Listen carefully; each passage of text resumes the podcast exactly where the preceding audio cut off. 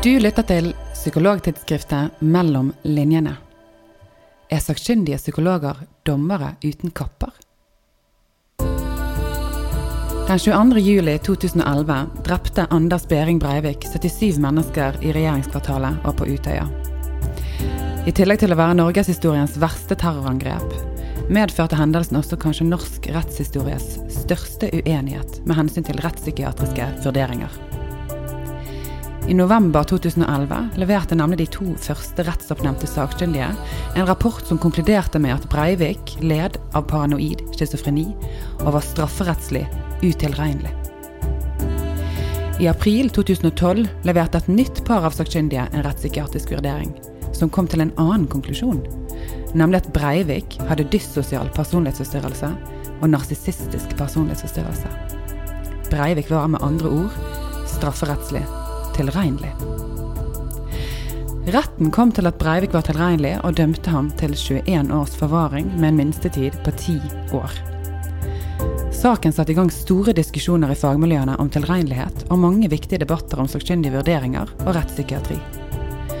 Hvordan kunne to par med sakkyndige komme frem til fullstendig ulike konklusjoner? Diskusjonene om de sakkyndiges rolle har kommet i kjølvannet av også andre rettssaker, og kanskje særlig når det gjelder saker der uskyldige mennesker har blitt dømt for alvorlig kriminalitet de ikke har begått. Har sakkyndige faglig belegg for sine vurderinger? Har de mer makt enn de har kunnskap? Klarer de å stå imot ytre press fra samfunnet, politikere, pårørende og overlevere? Klarer de å stå imot indre press i form av deres egne holdninger, tankefeller og driv mot å ville være enige med andre fagfolk? Spørsmålene henger i luften og opptar mange fordi de angår grunnleggende rettssikkerhet. Derfor spør vi kan vi stole på de sakkyndige? Velkommen til denne episoden av psykologtidsskriftet Mellom linjene. Jeg heter Heidi Wittrup Djup, jeg er psykologspesialist og redaktør i Tidsskritt for Norsk Psykologforening. Og med meg i studio har jeg den erfarne og ikke helt ukjente rettssakkyndige psykologspesialisten og forskeren Pål Grøndal. Velkommen til oss. Du er nok kjent for mange av våre lyttere, men kan du likevel begynne med å si litt om hvem du er? Yrket er psykolog, psykologspesialist. Um, har doktorgrad i rettspsykiatri.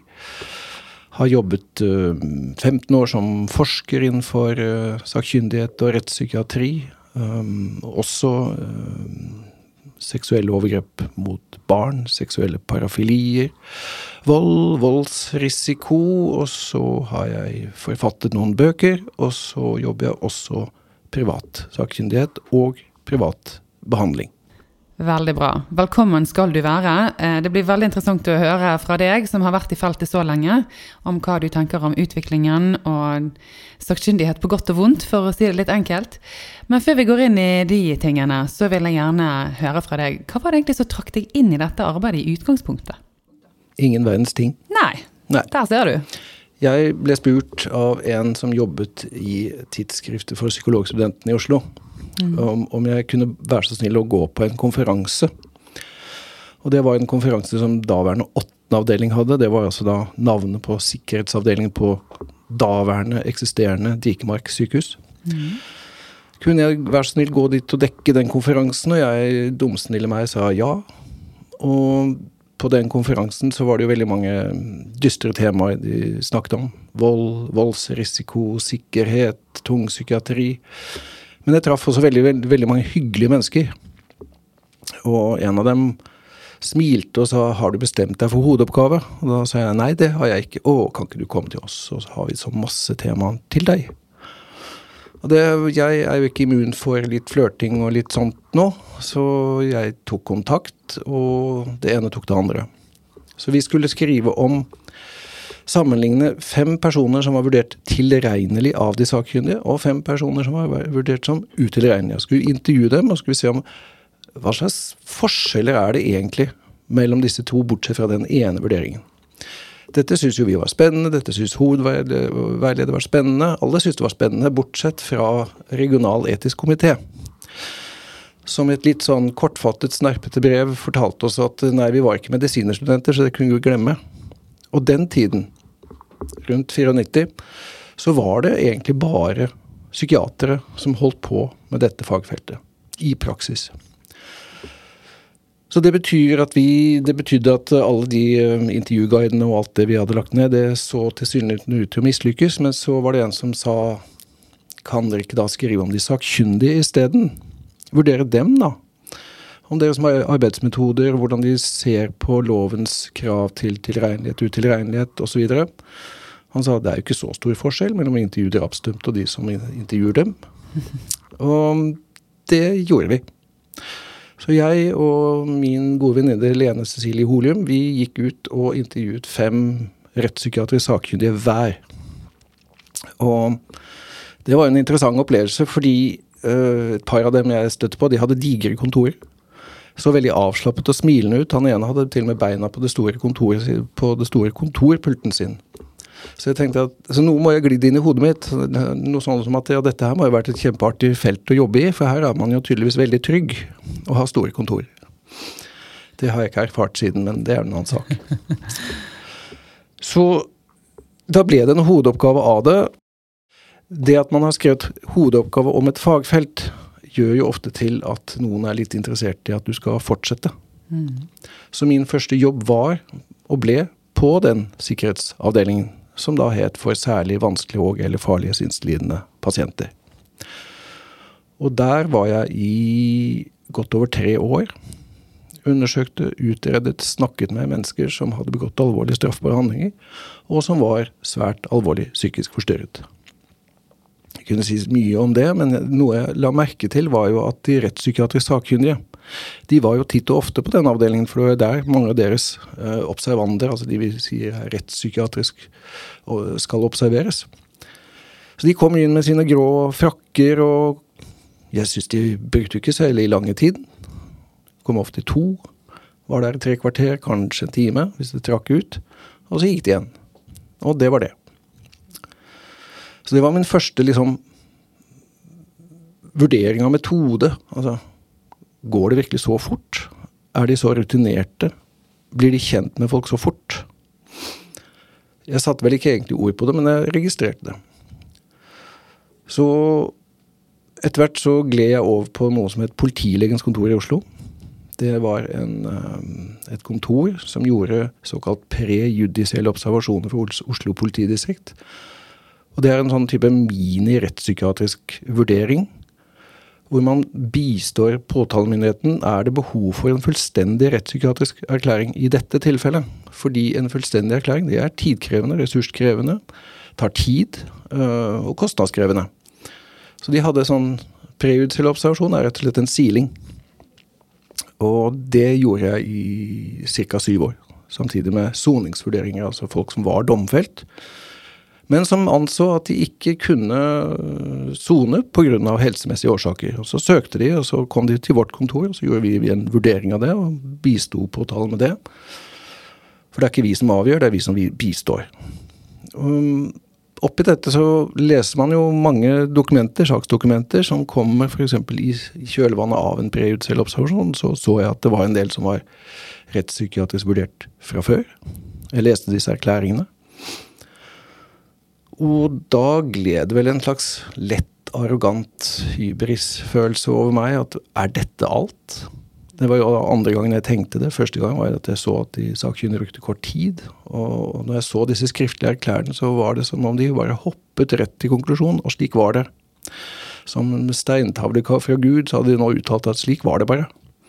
Og jeg syns premissgrunnlaget var ofte litt tynt. Og det sa jeg til sjefen min, og så sa han ja, pff, kan du ikke kan du ikke skrive en artikkel hvor du sammenligner svenske, danske, norske erklæringer med hensyn på metode og tidsbruk og samtaler og alt mulig? Og så gjorde jeg det. Ja. Enkelt og greit. Enkelt og greit. Um, og da var det en sånn periode hvor jeg var litt usikker på skal jeg fortsette å sitte på et kontor og gjøre slike vurderinger. Så fant jeg vel ut at kanskje ikke gjøre noe annet. Og da var det et kompetansesenter for sikkerhetsfengsels- og rettspsykiatri som var relativt nystartet. og de, de, skulle ha tak i folk, og sjefen der var på meg flere ganger. Det er alltid hyggelig. Nok en gang ikke immun overfor litt smiger. Så jeg, etter den første artikkelen som jeg da publiserte om disse svenske, norske, danske, uh, gled opp dit, og da sa sjefen nå, nå har du publisert én artikkel, da må du ta en til, for nå blir det jo en doktorgrad av dette. Vi trenger en doktorgrad av dette her. Så ble jeg dyttet inn til en veileder, og vips, så var vi i gang. Ja, og det lå jo ikke akkurat i kortene, for du har fortalt meg at du var både skolelei og lite motivert i barne- og ungdomsårene, men der satt du med et doktorgradsprosjekt innenfor eh, rettspsykiatri. Eh, du disputerte i 2010, og hadde da skrevet fire artikler som knyttet seg til ulike aspekter ved sakkyndighet. Men det høres jo for meg ut som du har hatt um, en undring helt fra starten, men kanskje også et litt sånn kritisk, uh, granskende blikk på er dette alt? Er det dette vi Har vi nok å bygge konklusjonene våre på? Du ser litt ut av landet, hvordan gjør de det andre steder? Hvordan ble det tatt imot? ikke så veldig, så veldig bra. Nei, Nei, jeg antok nesten det. Nei. Fortell om det. Nei, I den første artikkelen som jeg da sammenlignet disse tre, hadde jeg fått hjelp fra, fra ulike eh, kontorer i henholdsvis Sverige og Danmark. Og i Danmark så han som hadde hjulpet meg primært der, som var sjef der, på den klinikken der Etter fremleggelsen min av den artikkelen i en konferanse, han, eh, han gikk rett bort til meg og sa Pål, jeg har sagt at dette her er helt unødvendige greier. Man trenger ikke slike kvalitetsvurderinger av de sakkyndige, fordi dette er godt nok. Mm. Og så gikk han av gårde. Mm. Så jeg tenkte, der fikk jeg den. Um, og det skjedde ting også i kjølvannet av disputasen som gjorde at jeg skjønte at det var ikke helt populært, dette her. Nå skal vi ikke nevne navn, vi skal ikke nevne identifiserbare ting, men det var fremtredende personer som ga meg det inntrykket av at det var ikke den slags undersøkelse man ville ha. Man ville ikke ha undersøkelser av de sakkyndige og deres arbeid. Man ville gjerne undersøke disse vi observerer, med hensyn på mm. alkoholbruk, gjerning, modus Alt mulig sånn. Mm. Det var interessant. Men at man forsker på de som observerer, var ikke så veldig, veldig populært. Nei, og kanskje også litt overraskende at du eh, samtidig som du på sett og vis bygger deg en karriere innenfor dette feltet, så driver du òg og kritiserer det du er i ferd med å bli en del av. Eh, det høres ut som det har vært en ganske krevende rolle, og kanskje også litt ensom eh, posisjon, da? Det var en klok fyr som het Henrik Fjell Melle, som sa du, Pål, når du forsker, så forsker du. Da uttaler du deg som forsker. Når du påtar deg rettspsykiatriske erklæringer, så må du være lojal mot det systemet du opererer i. For meg var det en meningsfylt og klar grenseoppgang. Mm. Så når jeg gjør erklæringer, så gjør jeg det på systemenes premisser. Når jeg kritiserer, så skal jeg gå ut av det og si som forsker at jeg mener at. Så, så det har jo vært eh, i og for seg ikke veldig vanskelig. Men det jeg nok flere ganger i min karriere har opplevd, det har jo vært en sånn slags uh, Det man på godt norsk kaller silent treatment. Mm. Altså en ignorering dels av øh, forslag. Uh, og det har jeg flere eksempler på. Men jeg skal jo ikke lage noe tårepersegreie av dette her. Men det har vært interessant og til dels forherdende. Mm. Og til lytteren så kan jeg jo nevne at Pål skrev en uh, sterk tekst uh, i tidsskriftet, uh, som vi også refererer til i en annen episode der vi drøfter ytringsfriheten vi har som fagpersoner. Så der har lytteren noe å glede seg til. Men vi skal holde oss til sakkyndighetsfeltet nå, Pål. Og du sier at du var veldig lojal mot systemet, men du har samtidig bidratt til å utvikle og endre dette systemet. Og det du sa i sted om at man hadde veldig tynt grunnlag, og likevel trakk man konklusjoner. Det er vel en av de tingene som faktisk har endret seg litt. da. Kan du si litt mer om hvordan det var før, og hvordan feltet faktisk har forandret seg? Fagfeltet har utviklet seg noe motstrebende mot forandringer. Noen forandringer har måttet komme fordi vi har fått nye lover som, som dreier seg om utilregnelighetsbestemmelsen. Det er jo Stortinget som bestemmer lovene, og så må vi andre følge disse lovene. Også sånn i rettspsykiatrisk sakkyndighet.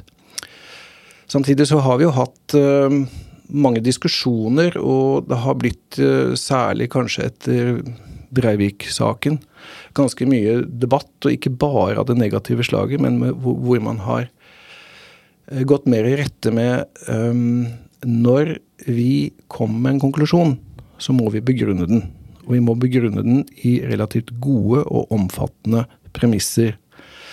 Sånn at det, det som vel har skjedd særlig inn, på innholdssiden, det er at vi har fått bedre drøftinger og diskusjoner. De har blitt lengre. Altså de har, de har liksom hoppet fra, eller glidd over fra å være konkluderende. Slik og slik er det slik og slik diagnose, slik og slik uh, ser vi på tilregneligheten, til at man drøfter det, tar inn premissene inn i drøftingen.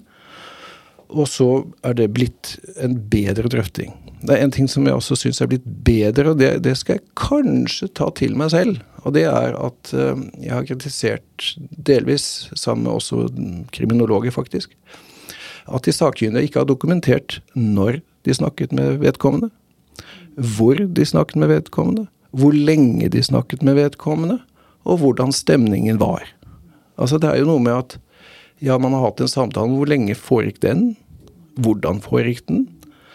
Um, fordi vi vet jo at den kontekst vi bestemmer er i, vil jo være litt avgjørende for hva slags data vi får ut av oss. Enkelt sagt, hvis du får tatt et blodtrykk, og du har nettopp fått beskjed om at huset ditt er brent ned, så er blodtrykket betydelig høyere enn om du har fått beskjed om at du er veldig frisk, og alt er bra og sånt noe.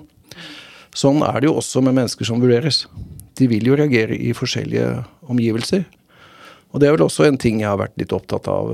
Hvordan observerer vi dem? I hvilke omgivelser? Og der har jeg jo bare fått, eller vi, har fått et visst gehør for at noen saker er så vanskelig at vi må ha døgnobservasjon. Altså vi må gi folk tid til å bli observert under riktige omstendigheter. Og ikke bare komme tassende inn på en avdeling eller et undersøkelsesrom i fengslene og ha en times samtale, så vips ut. Så, så jeg syns jo det har skjedd en viss endring, mm. uh, som har vært bra. Mm. Ja, sant? Man ser personen mer i sin kontekst. Man forstår kanskje òg at eh, situasjonen i seg selv og det å i det hele tatt bli observert, eh, vil jo påvirke personen. Eh, men det høres òg ut som det er mer etterretteligheter. At man har nå Man må redegjøre bedre for hvorfor man har kommet frem til akkurat denne vurderingen og denne konklusjonen. Det må man. Og, og fortynnende diskusjon vil nok bli påtalt av Den rettsmedisinske kommisjon. Jeg tror kanskje at vi skal smykke oss som faggren at eh, der har nok psykologene hjulpet litt til. Um, jeg starter jo med at da jeg begynte dette feltet, så var det knapt noen psykologer som tok slike erklæringer. Det var en syv-åtte stykker, kanskje. Men i alt overveien så var det to psykiatere. Da psykologene kom inn, så ryddet vi ganske mye opp i f.eks. evnevurderingene, og gjorde de mye mer etterrettelige. Eh, de var veldig mye mer skjønnsbasert før. Eller psykiaterne gikk til en psykolog kan du gjøre en evnetest for meg, istedenfor at man oppnevnte rett og slett bare en psykolog som da gjorde en undersøkelse sammen, og så kunne vedkommende ta disse testene. Um, og jeg tror nok også at psykologenes inntog har, har, bidratt til at en del psykiatere har syntes at det har vært uvant. Men også at de da eh, strekker seg litt, fordi de skal på en måte samhandle, og, og, og man lærer jo av hverandre. Mm. Så det har også vært en bedring, og Norge er nokså unikt i så måte. At psykologene har nå, anno 2023, betydelig innflytelse på dette feltet. Hvorfor er det et poeng at psykologene skal ha en plass ved bordet her. Du har jo nevnt litt nå med evnetestene, men kan du si litt mer om det? Altså, Vi er jo utdannet til å se hele mennesket, hele menneskets syke. Eh, og vi har med oss normalutvikling, ikke bare patologi. Legene har anatomi som, som sin normalmedisinske øh, vurdering. Og etter hvert, når de da blir psykiatere, så er de jo da trenet i å se patologi. Mm. Psykologene er trenet i to ting uh, utover det. Det ene er at vi har med oss normalpsykologien, og kan på en måte sammenligne hva, hva, hva alvorlig patologi er versus normalutvikling. Og så har vi større kunnskap om metode, metodebruk, og vi har større kunnskap innenfor testbruk. Så mm. alle de tre tingene her er viktige bidrag til å uh, gjøre en komplett erklæring, etter min mening. Mm. Nettopp. Men du, til lytterne, kan du forklare litt eh, kort og enkelt, hvis det er mulig, hva gjør du når du blir oppnevnt som sakkyndig? Det starter med at jeg får en forespørsel mm. om jeg kan ta uh, en uh, gitt judisiell observasjon. Mm. Og det første jeg da spør om, det er navn på vedkommende som skal undersøkes. Mm. Fordi vi har habilitetsregler, og det betyr at jeg ikke skal ha en type forbindelse som kan true nøytraliteten. Mm. Jeg har vel bare to ganger eh, på 20 år opplevd at oi sann, vedkommende Jeg kjenner vedkommende. Nettopp. Og bare helt kort, altså hva, hva kan denne personen ha gjort? Hva kan være et sånn typisk eksempel, eller hva har du vært borti? Stort sett relativt alvorlige straffbare handlinger. Mm.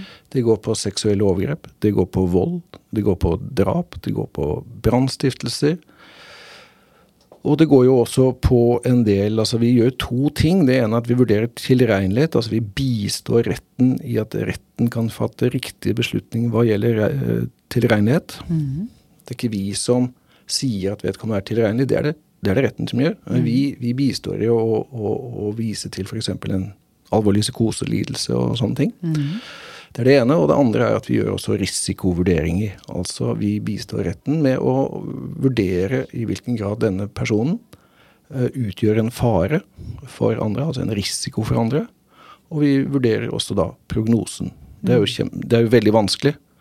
Men vi har fått bedre risikovurderingsinstrumenter slik at det oppdraget er blitt mye sunnere enn hva det var tidligere. På 70-tallet så skulle jo psykiaterne hadde plikt til å vurdere gjentagelsesfare, altså en digital størrelse, ja eller nei. Mm. Men uh, undersøkelser viste jo at de tok jo så himla feil. Altså Det gikk dårligere enn å kaste kron og mynt. Da er du litt sånn, da kan du egentlig bare sitte der som en oppvaskhjelper, og så tar du kron og mynt, og så sier du gjentagelsesfare. Mm. Eh, så de psykiaterne de protesterte ble fritatt fra denne eh, gjentagelsesfarevurderingen. Men så kom på 90-tallet da disse risikovurderingsinstrumentene, og nå har jo rettsvesenet grepet veldig tak i det. Og nå vil de ha disse risikovurderingene av fagfolk eh, over en lav sko. Av og til noen gang litt for lav sko, etter min mening. Nettopp. Men har vi bedre verktøy og, og, tester eh, og metoder i dag da, enn det det var tidligere? Eh, for det er jo Jeg kan jo se for meg at retten vil ha ganske klare svar. Er det et lite dilemma noen ganger å være så klar? Ja og nei. Um, når det gjelder metodebruk, så er det nok blitt bedre med hensyn på det jeg kaller risikovurderinger.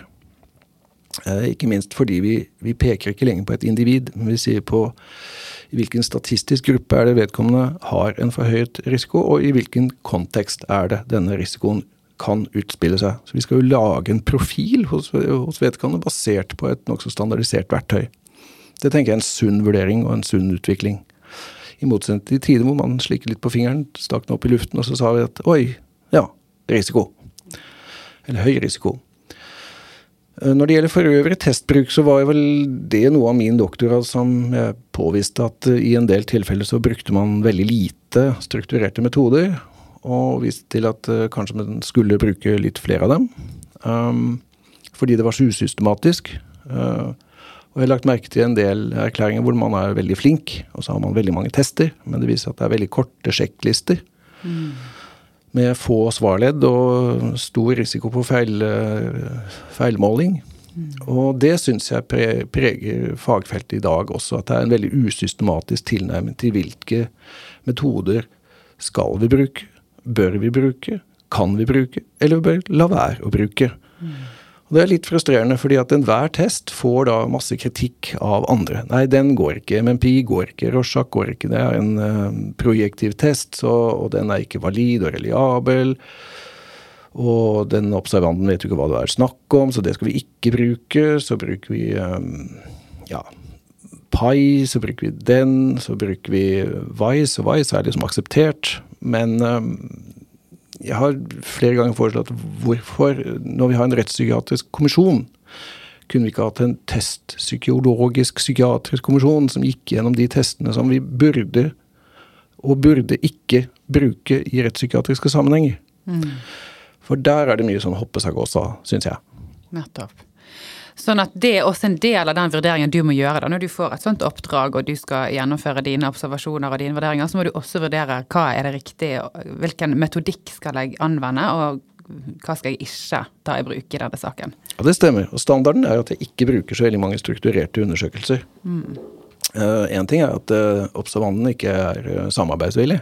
Mm -hmm. Da stopper det jo der. Jeg kan ikke tvinge på folk en test de ikke kommer til å gjennomføre. Det kommer aldri til å gå bra. Mm så må det være relevant i forhold til det mandatet jeg har. Det er ikke alltid at det er eh, relevant. Eh, sånn at når jeg gjør eh, testing, så er det fordi at det er noe jeg lurer på, som jeg ikke får svar på gjennom det jeg kaller en uh, historisk gjennomgang og en klinisk gjennomgang. Mm. Det, det, er fortsatt ting igjen. Nettopp. Og da er det jeg uh, gjerne tar i bruk strukturerte metoder. Jeg har en sak nå en person som har drept mer enn én gang. Og har en påfallende bruk av kniv. Mm. Og der lurer jeg ganske mye på denne personligheten. Mm. Det lurer nok også politiet på. En veldig spesiell type. Og der har jeg tenkt til å, å gjøre litt ekstra utredninger. Mm. For å forstå hva er det dette mennesket holder på med. Ja. Men det er litt unntak. Ja, og jeg vet at du er opptatt av at metodikken, den er din. Den skal ikke styres av andre. Og du har også fortalt meg at du ikke har opplevd å bli presset på metodebruk. Men det har noen av dine kolleger opplevd. Kan du fortelle litt om det òg? Jeg vet f.eks. at noen kolleger har blitt presset til å ta opp uh, samtalen på bånd. Det har vært en diskusjon lenger. Burde vi gjøre det? Burde vi ikke gjøre det? Hvem eier i så fall opptaket? Hvordan skal det brukes? Uh, hvor mye paranoid blir folk hvis jeg setter på en båndspiller? Hvor mye paranoid blir de hvis jeg ikke setter den på? Mm. Noen har da blitt presset til at du skal ta opptak. Og det kan jo være en debatt. Ja, skal vi da la oss presse til at juristen skal bestemme metodikken? Dvs. Si at vi altså bruker båndopptak, eller skal vi ikke la oss presse til det? Det er en annen debatt hvor jeg savner egentlig et helhetlig miljø hvor slike spørsmål drøftes mer systematisk. Mm. Men når du da har gjennomført eh, dine utredninger og vurderinger, så munner dette da ut i en eh, rapport um, som da blir brukt inn i retten. Er det riktig forstått? Ja, vi skriver da en rettspsykiatrisk erklæring. Mm. Den sender vi to steder. Det ene er til uh, domstolen, mm. som jo har bedt om den. Mm. De er oppdragsgiver.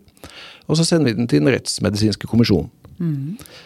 Den rettsmedisinske kommisjonen går igjennom erklæringen og ser på om premissene henger sammen med konklusjonen, og at det ikke er begått formelle feil, eller at uh, hele mandatet er besvart, um, og slike ting.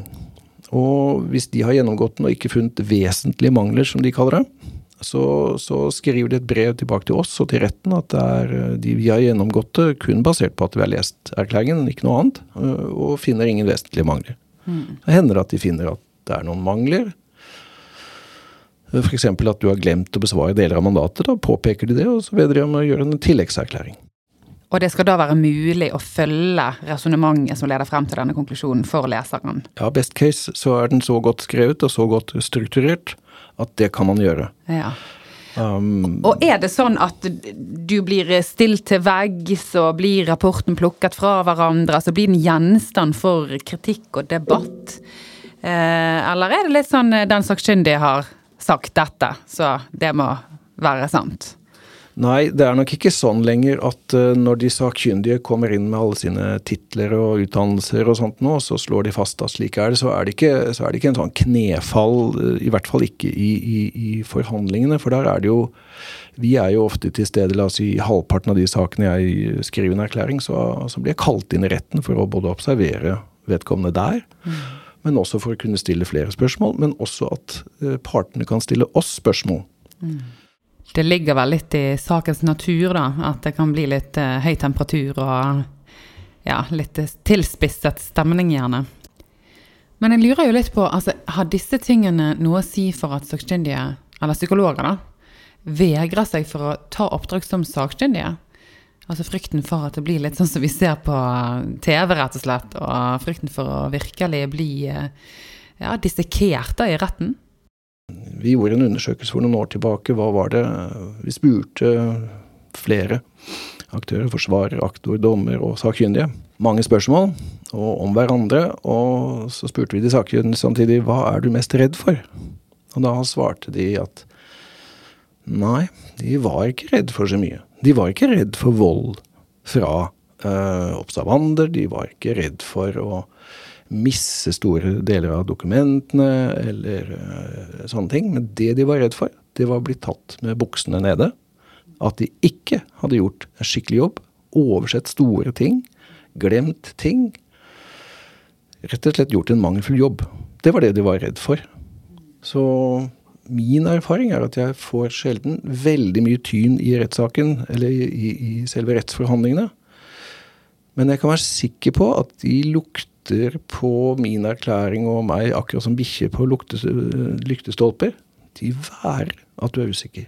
Og da kjører de på. Mm, mm. Og det kan jo f.eks. være det har vært noen saker opp igjennom hvor de sakkyndige er uenige med hverandre. Mm. Og du regner med at du får en del flere spørsmål enn, enn om man er enig. Mm. Så det, et, det, ligger jo et ubehag i det. Ja, men det høres ut som et ubehag det er ganske viktig å tåle da, av hensyn til folks uh, rettssikkerhet.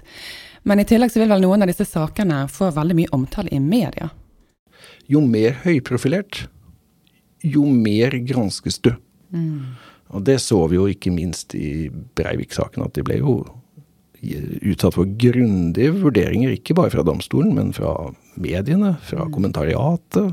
Det er nok der vi som sakkyndige er mest engstelige for at har vi gjort noe dumt? Har vi gjort noe feil? Har vi oversett noe? Er det mangler her? Er det en vesentlig journal vi ikke har fått tak i? Er det en viktig person, nær familie, som ikke har intervjuet, som kunne ha gitt oss mm.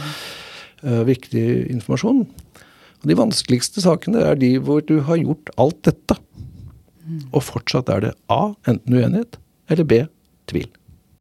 Ja, og denne tvilen og denne grunnleggende frykten for å gjøre feil, da, den strider jo litt imot det bildet som kanskje noen har av at den sakkyndige er veldig arrogant og er som en slags dommer uten kappe og har veldig mye makt inn i saken. Jeg har også truffet på eh, sakkyndige som, som, etter min mening kutter innersvinger, som har en litt vel arrogant eh, eh style over det hele. Mm. Så én ting er den arrogante sakkyndige, den andre, til, andre, er den arrogante og litt dumme sakkyndige. Mm, ja, det er en uheldig kombinasjon. For Veldig. kan vi snakke litt om de? For det er vel ikke til å komme ifra at hvis vi ser eh, i ja, kommentarfelt, eh, eller i det hele tatt i den offentlige diskusjonen noen ganger, så kommer sakkyndige litt dårlig ut av det. Og så kan man jo lure på om det alltid er riktig.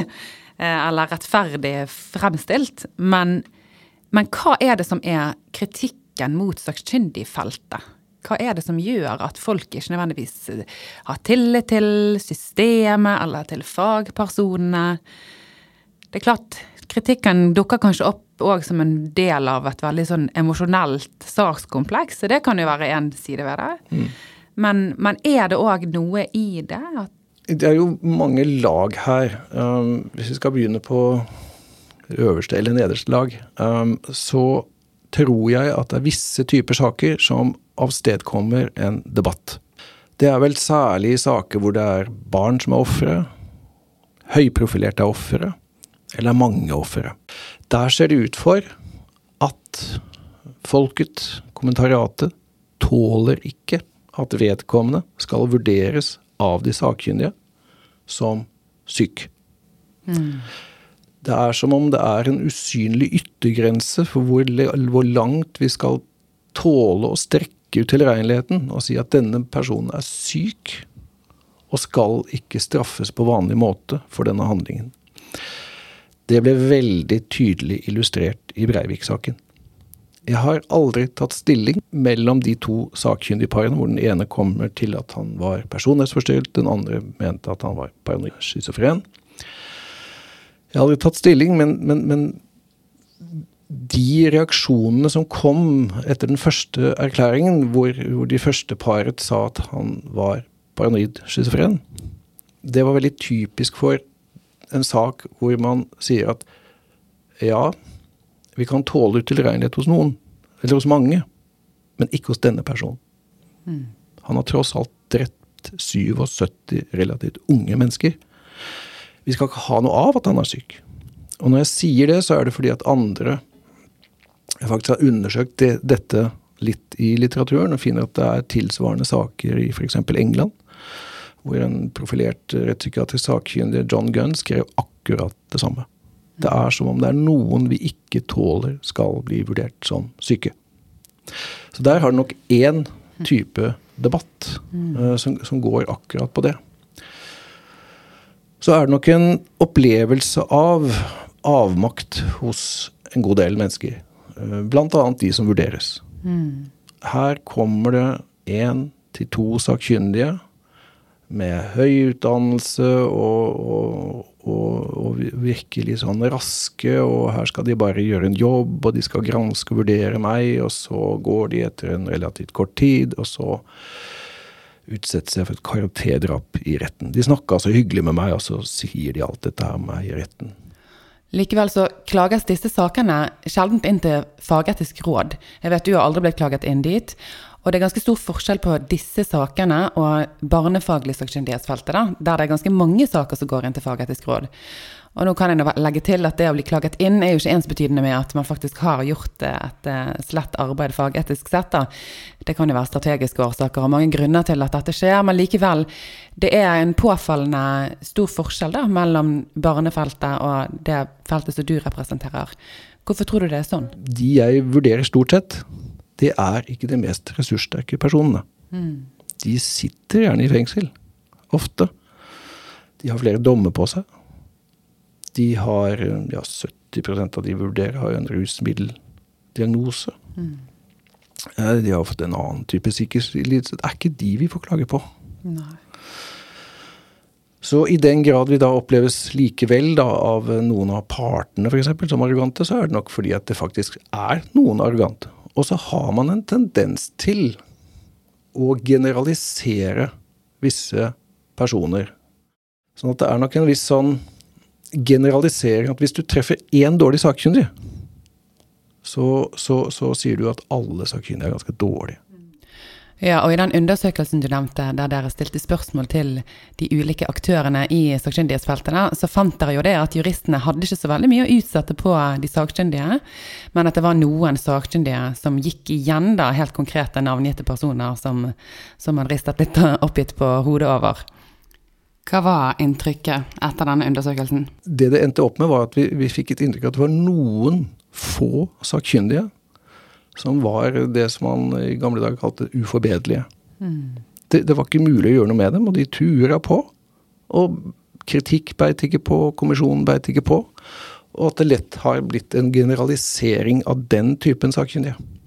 Ja, for det er klart at de aller, aller fleste sakkyndige holder høy faglig kvalitet, men det går jo ikke an å være så naiv at vi bare legger til grunn at det gjelder alle. Sånn, vi kan ikke satse på at alle er kompetente og faglig oppdatert og egnet til rollen. Og nettopp derfor blir jo kontrollmekanismene veldig viktige. Både for å fange opp eller luke ut de som ikke egner seg, men også for å skape tillit da, til de som skal forholde seg til sakkyndighetsfeltet. Ja, vi har fått mye bra altså Den rettsmedisinske kommisjonen har jo holdt på i 123 år. Barnefaglig kommisjon er jo en, en junior, et barnebarn i så måte. Mm. Og det er jo merkelig at den kommisjonen ikke kom opp og gå før for, for noen relativt få år tilbake. Mm. Og da kan man undre seg, Er det bare fordi det var barn at det var ikke så viktig? Mm. Men jeg tenker at de kontrollorganene er kjempeviktige. Mm. Uh, og, og, og, på en måte den redningsplanken en del har for å kunne få påvist at akkurat denne erklæringen var ikke god. Mm. Den er ikke objektiv. Mm. Den um, har ikke brukt særlig gode metoder. Mm. For kort tid. Uh, de har brukt, gått i bekreftelsesfella osv. osv. Så, videre, og så, mm. så jeg er veldig glad for alle disse kommisjonene vi har. Ja. Ja, og nå sier du bekreftelsesfelle, og det er interessant. For sakkyndighetsfeltet handler jo ikke bare om eh, kontrollmekanismer og faglige kvalifikasjoner. Det er jo mennesker som er satt til å fylle denne rollen, og det er noen helt allmennmenneskelige fenomen som kan slå inn også hos den sakkyndige. Kan du først fortelle litt hva bekreftelsesfelle egentlig handler om? Nei, det er jo at vi tidlig eh, danner en hypotese basert på relativt få opplysninger. Mm. Og så i stedet for å forsøke å, å, å, finne ut hva er det som kan avkrefte min kjappe hypotese, så søker vi å bekrefte den. Og når det da så eventuelt kommer data som tilsier at uh, hypotesen ikke stemmer, så avvises det.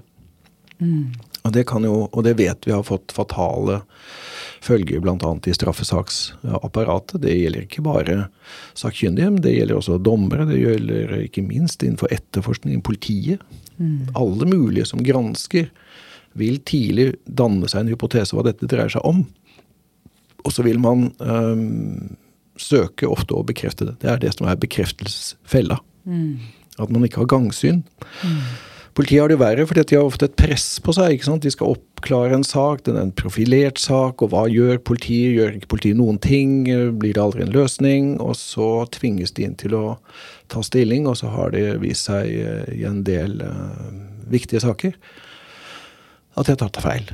Mm. Nettopp pga. denne bekreftelsesfella. Mm. At de har blitt overbevist om sin egen idé og avvist alternative eh, data.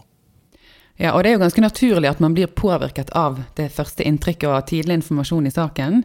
Så akkurat denne mekanismen her, eller dette med bekreftelsesfelle, det er viktig å være bevisst på når man jobber som sakkyndig, for å unngå da at man konkluderer på et altfor tidlig tidspunkt, eller før saken er tilstrekkelig opplyst. Og det har vært litt vanskelig med noen sakkyndige, og jeg tenker at de kommer veldig raskt til løsningen. Og så ringer de og forteller meg at ja, jeg snakket med, med NN i går, og helt tydelig schizofren. Ja. Og så tenker jeg uff, nei da, det var da dumt. Hvorfor kunne ikke jeg få lov til å vurdere det selv? Mm. Istedenfor at du ringte og fortalte meg det. For nå blir hele min tenkning og oppfatning blir fylt med din idé om at vedkommende er sånn og sånn. Blir veldig vanskelig å frigjøre meg fra den tenkningen. Ja. Så jeg har flere ganger prøvd å si at uh, når jeg skriver det som vi formelt kaller status presen, eller, eller inntrykk, da, så vil ikke jeg vite hva du Hva ditt inntrykk er. Mm. Og jeg vil at vi skal låse våre forskjellige inntrykk. Kan ikke redigeres. Mm. Og hensikten med det er jo å gjøre det så, så fint ord, transparent som mulig. Ved at de juridiske aktørene kan si ja, men du skrev jo at vedkommende hadde tankeforstyrrelser. Mens din kollega skriver jo ikke noe om tankeforstyrrelser. Hva er dette, da? Og da har man jo på en måte øh, bandt vei for en god kontradiksjon, da. Mm. Så kan jo hver av oss sakkyndige redegjøre, øh, versus at vi er så rørende enige. Og denne enigheten tror jeg også er en kilde til at en del oppfatter sakkyndige som en sånn slags toenighet mm. som, som, det ikke går an å rokke ved. De er alltid enige. Mm. Ergo blir persepsjonen de er arrogante og ikke lydhøre. Så vi skal jobbe hver for oss. Vi skal jobbe selvstendig. Vi skal gjøre selvstendige vurderinger, men det glipper nok i en del tilfeller. Mm. Men en annen forbedring er at vi, vi, er ikke lenger øh, par. Folk kan ikke lenger bestemme hvem de skal jobbe med. Mm. Forrige generasjons sakkyndige hadde en helt annen ordning, hvor de kunne nærmest sånn at 'jeg vil jobbe med'. Mm. Så da viste det seg jo via undersøkelser at um, øh, det var et knippe på fem-seks personer som tok de 30% mest profilerte sakene. Mm. Og jobbet alltid i par. Og de var aldri uenige. Ja, og akkurat det der er jo litt viktig. For det at to sakkyndige enige, trenger jo ikke bety at de har funnet svaret, og at det er en faglig forankret enighet. Det er veldig mange prosesser som kan spille inn for at vi blir enige. Nå har du nevnt bekreftelsesfellen, eh, ytre press, vi kan eh, bli påvirket av hverandre, vi ønsker å bevare god stemning. Eh, kanskje man jobber sammen i par med en som man ser opp til, så det er vanskelig å være uenig med en som er anerkjent. Det er mange prosesser som kan gjøre at man blir enige. Ja, og alle disse prosessene er det jo viktig at vi hele tiden har med oss. Mm. Og har vi det? Nei. Nei. Så Men hvordan det, kommer man rundt det, da? Nei, altså, eh, no, Man har indirekte kommet litt rundt det ved at vi ikke lenger kan velge våre partnere. Ja. Det er ikke lenger faste par. Ja. Nå er det slik at et oppdrag som kommer fra politiet, går opp til Nasjonal enhet for rettspsykiatri, mm. og så plukker de ut fire navn. Og så ringer de mm. disse fire personene, og så spør du er du habil og er du tilgjengelig. Mm. Fire personer sier da ja. Mm. Så plukket politiet ut, og forsvarer, to av de navnene. Mm. Og da er det helt random i forhold til om de to kjenner hverandre eller vil jobbe sammen. Ja, altså Det der er jo et veldig godt og konkret grep da, som skal redusere risikoen for at man bare blir enige av de feile grunnene. Eh, og vi i Psykologtidsskriftet vi har vært opptatt av dette med å tåle faglig uenighet også, da. Så jeg kan bare skyte inn at på vår YouTube-kanal så ligger det opptak av en panelsamtale som vi gjennomførte 15.12.2022, som handler om psykologens rolle i rett og urett. Hva skjer hvis vi sier ifra, og hva skjer hvis vi lar være? Eh, og da er jo nettopp det der med å tåle uenighet og det å gå motstrøms imot de faglig vedtatte sannhetene, det er rett og slett det vi diskuterer der. Så det kan lytterne tune inn på, som det heter. Men jeg har lyst til å snakke litt mer om dette ytre presset. Forventningene der ute. For det er jo ofte veldig mye følelser i disse sakene. Eh, det er hensyn til pårørende og etterlatte. Eh, man blir veldig preget og, og emosjonelt påvirket av det arbeidet som gjøres. Og så er det kanskje en forventning om det, en domfellelse eller en type domfellelse, eller det å i det hele tatt konkludere saken og, og, kunne gå videre. Kan du si litt om det òg? Jeg har vært ute i noen saker som har dreid om seksuallovbrudd. Eh, noen har vært virkelig alvorlige, og noen har fått liksom en sånn voldsom mediedekning. Mm. Eh, særlig i en av de sakene så, så merket jeg en sånn slags uh, Går det an å si universell stemning? Mm. Heng han høyt. Mm. Og, og, vi hadde nå de konklusjonene vi hadde, men det jeg la merke til, var at min medsakkyndige stilte spørsmål til observanten som om han var en hjelpeaktor. Han, han ble liksom grepet av fellesskapet eller samfunnets unisone fordømmelse. Og det ble litt for tydelig for meg, så jeg, da rykket jeg tilbake. Mm. Uh, og ved en anledning så dulte jeg og sa at uh, nå er ikke du anklager, da, sa jeg. Mm. Da ble han kjempefornærmet. Mm. For han, han, var så i denne fordømmelsesmodusen. Ikke sant. Så, så, det har jeg jo merket i noen saker, at man uh, At det er enkelte saker som, som, hvor man kan bli grepet av en sånn slags felles oppfatning at slik og slik er det. Mm. Og, og, det var derfor jeg tok til motmæle ganske mye under Breivik-saken. For jeg syns at det ble utviklet seg til mobbing mm. av de første sakkyndige. Du kan mm. kritisere sakkyndige. Du kan uh, påvise eventuelle feil. Men du skal ikke mobbe. Mm. Folk gjør jobben sin. Mm. Stort sett. Det er selvfølgelig noen idioter der ute, men Stort sett så er folk skikkelige, ordentlige og redelige og vil gjøre en ordentlig jobb. Mm. Og det er det utgangspunktet vi skal ha, syns jeg. Både som en del av kommentariatet, både som forsker, som psykolog, som sakkyndig selv. Men det er klart, jeg blir også blandet inn i saker noen ganger. Og jeg syns jeg kan se at her er det ikke gjort en god nok jobb. Ut ifra at objektiviteten er ikke gjort ordentlig, nøyaktigheten er ikke gjort ordentlig, varsomheten er ikke gjort ordentlig. Man har kommet med karakterbeskrivelser av folk istedenfor å komme med atferdsbeskrivelser. Altså, mm. Vedkommende er manipulerende. Ja vel, kan du ikke heller beskrive hva er det, hva er det du ser, mm. uten å sette navn på det? Så får jo andre da si ja, dette er jo manipulerende. Det blir jo veldig tydelig når du snakker at dette er et ganske krevende felt. Man skal være faglig oppdatert, naturligvis, men man skal også være ganske bevisst på å klare å stå imot da, hvilke andre fenomen og hvilke andre prosesser som kan påvirke beslutningene og vurderingene man gjør. Enten det er ytre press, eller det er bekreftelsesfeller, eller det er egne holdninger da, som man tar med seg inn i tolkningene av de personene man observerer. Og jeg vet at du har vært ganske opptatt av å skape faglige fellesskap der, det er rom for refleksjon og debatt og meningsbrytning. Blant annet vet jeg at du har ønsket at Foreningen for sakkyndige psykologer skal ha et større fokus på rettssakkyndige. Men det er ikke bare Psykologforeningen eh, som har en mangel der, det er også det rettssakkyndige miljøet, sånn som du ser det, som også hadde hatt eh, behov for eh, større evne til å skape refleksjon og debatt. Ja, en, en organisasjon som som klarer å ta opp ting på et større metanivå. Altså hva gjør vi når?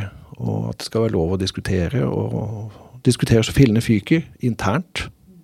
Um, uten at det blir en prestisjegreie av det. Men det ser ut til at det er vanskelig å få til. Uh, jeg syns at mye av rettspsykiatrien har vært dominert av noen få menings, sterke meningsfeller. Eh, og veldig lite av forskning og refleksjon. Mm. Veldig lite debatt. Mm. Og det har jeg savnet hele tiden. Altså Det har jeg savnet siden jeg ble psykolog. Altså Jeg jobbet jo årevis som miljøarbeider, bl.a. også på Dikemark, men også på MJ. Og da jeg hadde såkalte husmøter. Og jeg syns at de husmøtene var altså så dumme og så enkle. og så det var Fra møte til møte så, så gjorde man nye vedtak som sto i motsetning til hverandre. Og sånt, og så tenkte jeg at nå, og da jeg var i ferd med å tro at jeg faktisk skulle bli psykolog, hvilket jeg syntes var et personlig mirakel, så tenkte jeg at nå skal jeg komme inn, og nå skal vi diskutere. Og selv på Dikemark så opplevde jeg den derre um, jeg husker det var en veldig rolig og veldig klok psykiater som sa nei, Pål, nå legger du stein til min bør med all denne diskusjonen. Mm. Og så tenkte jeg uff da. Hvilket forum kan vi ha åpne debatter i? Hvor vi bruker forskning og vi bruker faglighet og tillater oss å være rykende uenige. Mm. Der har jeg liksom respekt for politikere. Mm som river hverandre i stykker i sånne studier som vi to sitter i nå. Mm.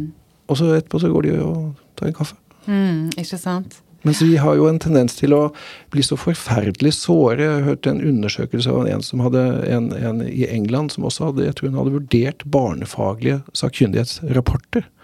Laget en ganske stor rapport om det. Uh, hun var på en kongress jeg var på og fortalte om etterspill av det.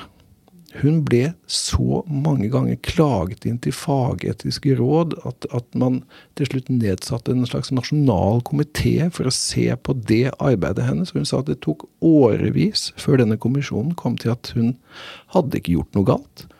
Hun opplevde fortsatt at folk reiste rundt på konferanse hvor hun var, og reiste seg opp og skjelte henne ut etter mm. noter mm. fordi hun hadde kritisert de sakkyndiges arbeid gjennom en rapport. Mm. Så så såre går det an å bli i dette feltet. Og det er den sårheten som jo er, gjør kanskje at vi har problemer med å samle oss og være åpne for en debatt som preges av motsetninger. Mm. Men hvor vi går ut etterpå, så er vi ferdig med det.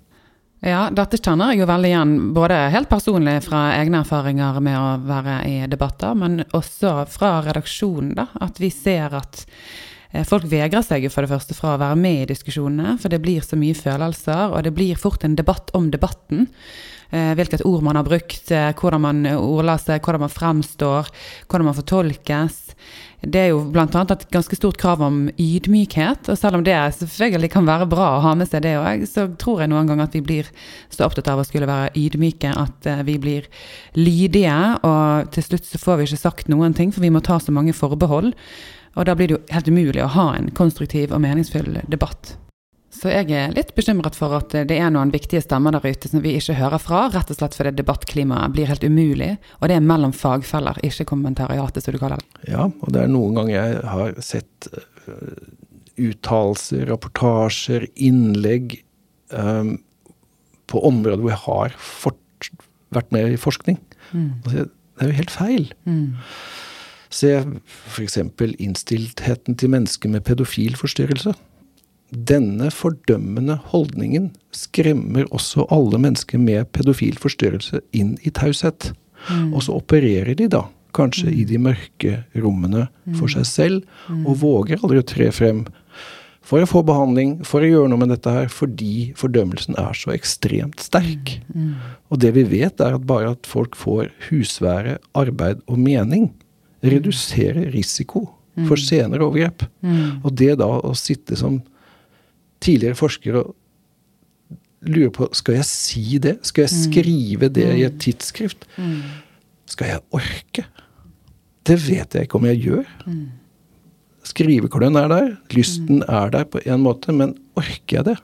For jeg vet at man da får så utrolig mye pepper, så kanskje noen ganger greit å si ingenting. Mm.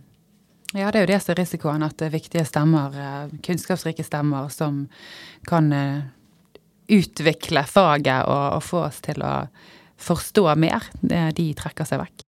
Så et av budskapene fra denne episoden får være at vi må tåle uenighet. Eh, vi må ha debattene. Det driver faget fremover, og det er positivt for både oss og for befolkningen. Og det er sikkert mange som er uenig med det vi har sagt her i dag, og det er også helt greit. Hensikten har ikke vært å gi en nyansert og grundig og 100% dekkende beskrivelse av sakkyndighetsfeltet, men å gi litt innsikt i eh, måten man jobber på, og hva som er utfordringene. Men ikke minst har vi også ønsket å løfte frem at det å ha dyktige sakkyndige, som vi heldigvis har mange av, det er positivt og viktig for vår rettssikkerhet. Vi skal straks runde av, men jeg spurte innledningsvis om vi kan stole på de sakkyndige. Så jeg gir ordet til deg, Pål. Kan vi stole på de sakkyndige? Ja, men med en viss skepsis. Mm. Ingen er ufeilbarlige. Mm. Jeg syns det er bra vi har disse kommisjonene vi har, som gjennomgår det. Jeg syns det er bra vi har Statsforvalteren som kan gå gjennom våre erklæringer hvis det blir ille, og at vi har Helsetilsynet som i siste instans kan vurdere det. Mm. Så ja, jeg syns at uh, flere priser kunne gått is til de sakkyndige. Da får vi se om det venter et prisdryss for eh, de sakkyndige. Takk, Pål, for at du var med i denne episoden, og takk til dere som hørte på. På gjenhør.